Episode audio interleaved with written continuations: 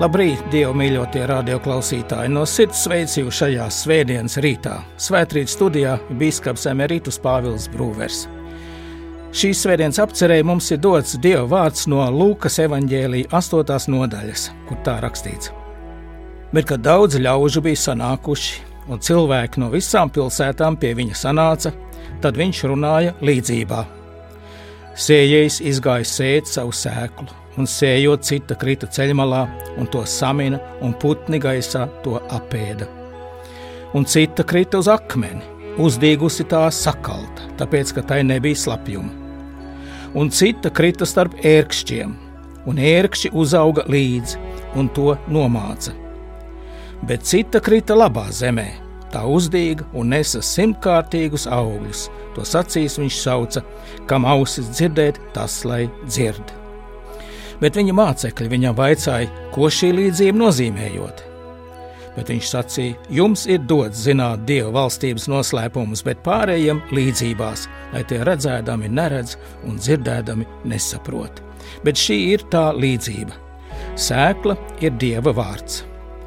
Bet kas ceļmalā ir tie, kas to dzird, pēc vēlns nāk un ņem vārdu no viņu sirdīm, lai tie netic un netop izglābti.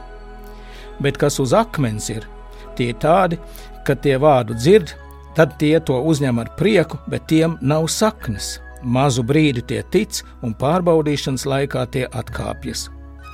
Bet kas starp ērkšķiem krita, ir tie, kas to dzird un tomēr noiet un iegrimst rūpēs un bagātībā un pasaules kārībās un noslāpst un nenes nekādus augļus bet kas labā zemē ir tie, kas vārdu dzird un to patur labā un godīgā sirdī, augļus nesdami ar pacietību. Āmen!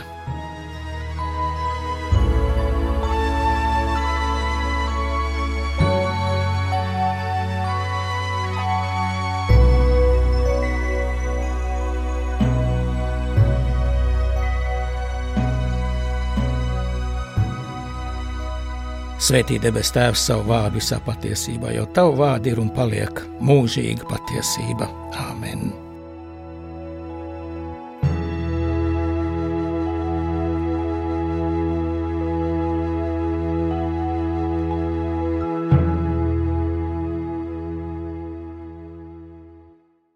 Jā, Dievu mīļotie radio klausītāji, evanģēlists Lūka, atstāstot šo notikumu, min vienīgi to, ka tajā brīdī Jēzu klausīties bija sanākuši daudz cilvēku no apkārtējām pilsētām.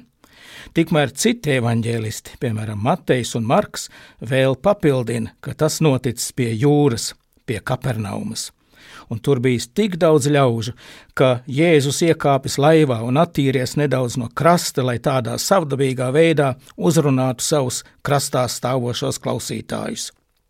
No evaņģēlijas stāstījuma mēs varam spriest, ka tobrīd Jēzus jau bija kļuvis tautā plaši pazīstams, un kā tas ir ar tautā populāriem cilvēkiem, arī ar mācītājiem vēl šodien, pie tiem laužas simtiem un dažkārt pat tūkstošiem dažādu cilvēku un daži no tiem patiešām ir dziļi ieinteresēti tajā, ko runā Jēzus. Citi tur sanākuši vienīgi ziņkāres dēļ, citi tur ieradušies tāpēc, ka visi tā dara, bet ir arī tādi, kas Jēzu atnākuši klausīties, lai viņu notvertu viņa vārdos un apsūdzētu kā ķeceri. Arī tādi viņam aizvien sekoja. Un ņemot to visu vērā, cik dažādi ļaudis viņu klausījās, Jēzus runā līdzībās jo, kā saka, savējie sapratīs. Viņš runā par sējēju, kas izgājis sēt. Un tas ir viens savdabīgs sējējs, tikai viena ceturtā daļa no visa, ko viņš sēja, krīt tādā augsnē, kas nes augļus. Pārējā sēkla tā šķiet, ka iet zudumā, bet par to sējējs nebēdā. Viņam nav žēl sēklu sēt visur cerībā, ka varbūt tomēr kāda no tām uzdīgs, izaugs, nobriedīs un nesīs daudz augļu. Sēkla, kas krita ceļmalā, acīm redzot, tika sēta cerībā, ka ceļmala tiks uzirdināta. Un tā, kas tika sēta uz akmenāju, tika sēta cerībā, ka varbūt atradīsies kāda sprauga starp akmeņiem, kur sakne var ieķerties, iedziļumā un nest augļus. Bet tā, kas iesēta starp ērkšķiem, varētu izaugt un nest augļus, ja ērkšķi tiktu izravēti. Tā nu sējējs šajā līdzībā uzcītīgi un uzticīgi strādā. Sēj sēklu tajā zemē, kāda nu viņam ir, cerībā, ka daudzas no tām izaugs un nesīs augļus. Un sējējs nav ne optimists, ne pesimists. Viņš zina, ka daudzas no viņa sētajām sēklām ies bojā, nenesot nekādus augļus, bet tas viņu neatur no darba. Tas neiedzen viņu depresijā, sakšā vai tā maz jēgas, maz panākumu manam darbam. Viņš paliek uzticīgs tam uzdevumam, kuram viņš ir aicināts. Un nu pievērsīsim uzmanību tām četrām zemēm, kurās sēkla tiek sēta. Kā pirmo Jēzus savā līdzībā min ceļmalu, kur ļaudis kritušo sēklu samina un putni apēda. Jēzus saviem mācekļiem šo līdzību pats skaidro, ka tā sēkla, kuru ļaudis samin un putni apēd, ir Dieva vārds, kas nepaliek cilvēku sirdīs. Nāk vēlns un ņem vārdu no viņu sirdīm, lai viņi netiktu glābti. Tie cilvēki, kuriem nav tās dziļākās dzirdes, par kuru Jēzus runā vairāk kārt un dažādās situācijās. Arī šo līdzību nobeidzot Jēzus lielajam ļaužu pūlim saka, kam ausis dzirdēt, tas lai dzird. Protams, mums visiem ir ausis, un mēs visi dzirdam, un arī Jēzus laikā tie ļaudis, kas viņu klausījās, bija ar ausīm, un fiziski jau viņu dzirdēja, ko Jēzus teica.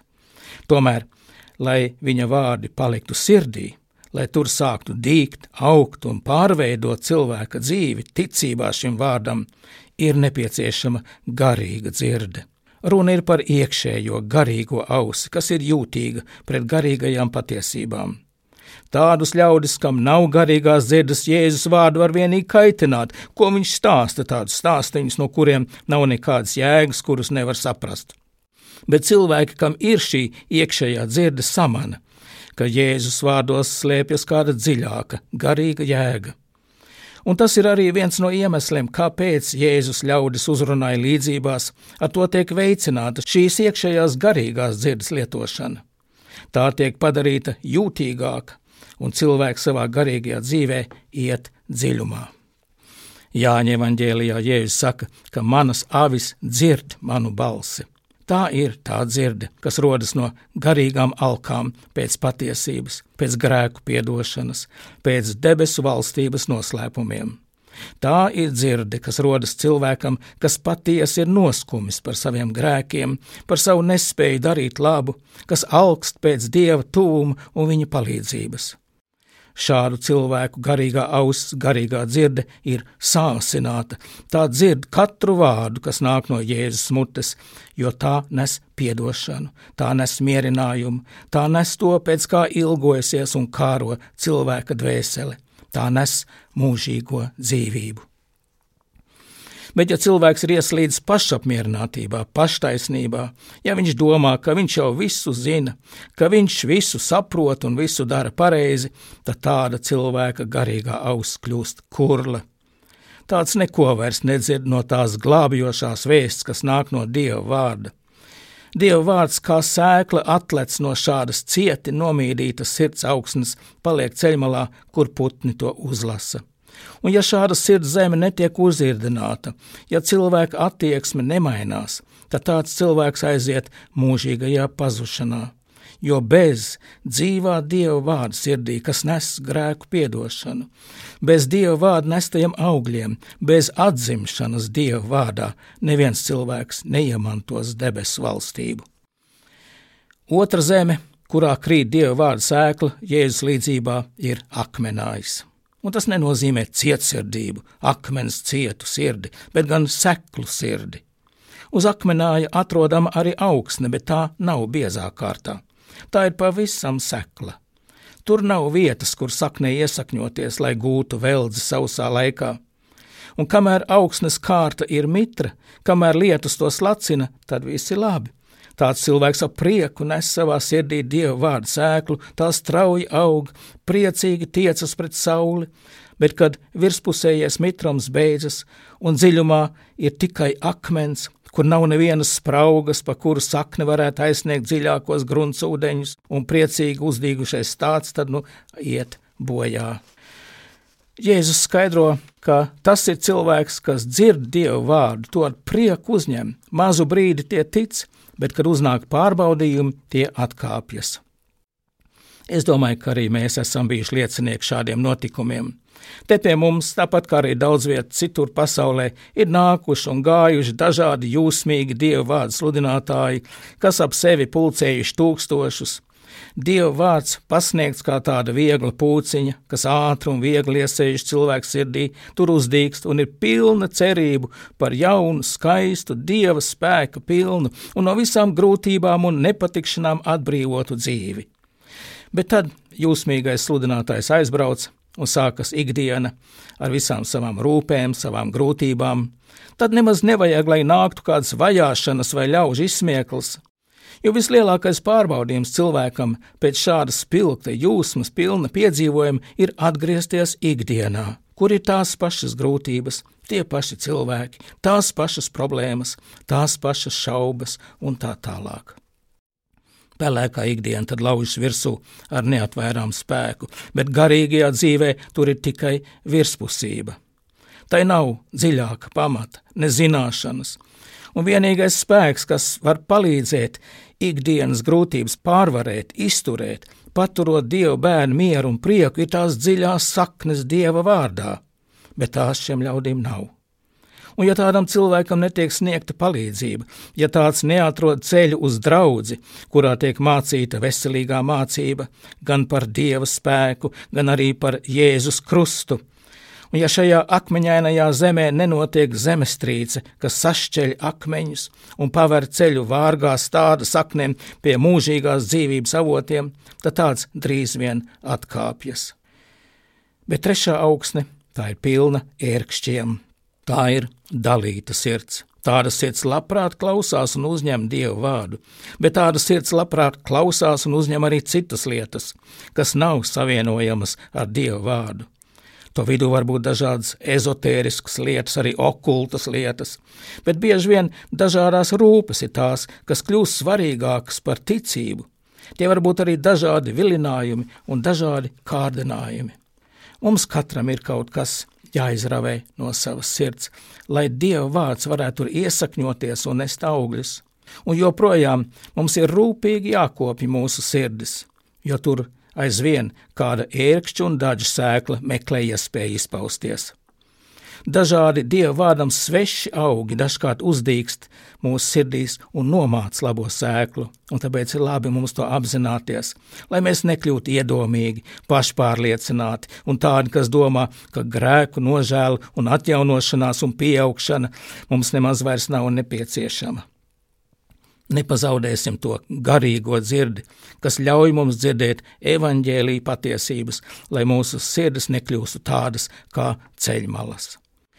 Un ceturtā tā ir tā labā zeme. Bet cik gan liels ir mūsu pašu nopelns, ja mūsu sirds zeme ir laba? Kurš gan no mums varētu lielīties, ka viņš pats saviem spēkiem ir savu sirdi iztīrījis no visiem sliktajiem stādiem un visām nezālēm? Kurš gan no mums varētu teikt, ka pats saviem spēkiem ir uzirdinājis savas sirds cieto zemi? Un ja nu tas pie mums ir noticis, ja mūsu sirds ir gatava Dieva vārda sēklai, un tā ir nesusi mūsu dzīvē labus augļus, tad nelielīsimies ar to viens otru priekšā, bet gan par to mēs varam būt pateicīgi vienīgi Jēzus Kristus žēlastībai, jo bez viņa lielā grēku piedošanas upura, bez viņa īpašās žēlastības un palīdzības mēs nenieka nespējam.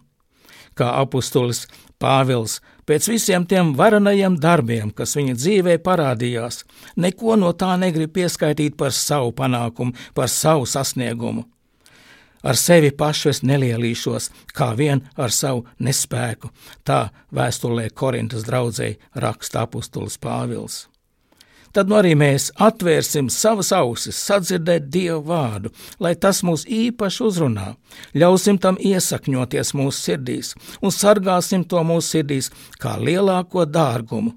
Un lūgsim Dievu palīdzību, sirds zemes sagatavošanai, lai tā būtu laba, lai Dieva vārda sēkla mūsu sirdīs varētu uzdīgt, dzīt dziļas saknes un nes daudzkārtīgus augļus mūžīgajai dzīvei.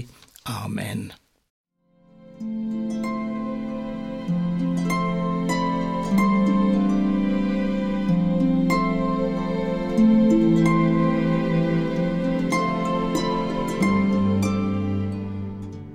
Lūksim! Debes Tēvs, mēs pateicamies Tev, ka Tu šajā svētajā rītā esi mūs atkal atspirdzinājis ar savu vārdu. Palīdz mums uzņemt Tavu vārdu savā sirdīs, kā labi uzirdinātā zemē, lai Tavs vārds nestu daudz labus augļus. Mēs paļaujamies uz Tevi, debes Tēvs. Mēs paļaujamies uz Tavu vārdu un uz Tavu apsolījumu, ka neviens, kas uz Tevi gaida, nepaliks kaunā. Jo kaunā paliek tie, kas viegli prātīgi Tevi atstāja, kaunā paliek tie, kas atkāpjas no Tava vārda patiesības. Mēs visu sevi Visas mūsu vajadzības, mūsu problēmas un arī visas mūsu cerības ieliekam tavās rokās, visi tā kopā lūgdamies, kā mūs mācījis tavs dēls Jēzus Kristus. Mūsu Tēvs debesīs, svētīts lai top tavs vārds, lai nāk tava valstība, tavs prāts, lai notiek kā debesīs, tā arī virs zemes. Mūsu dienascho maizi dod mums šodien un piedod mums mūsu parādus, kā arī mēs piedodam saviem parādniekiem. Un neieved mūsu kārdināšanā, bet atpestī mūs no ļaunā, jo tev pieder valstība, spēks un gods mūžīgi mūžos. Āmen! Svētrīt studijā bija bīskaps Emerītus Pāvils Brūvers.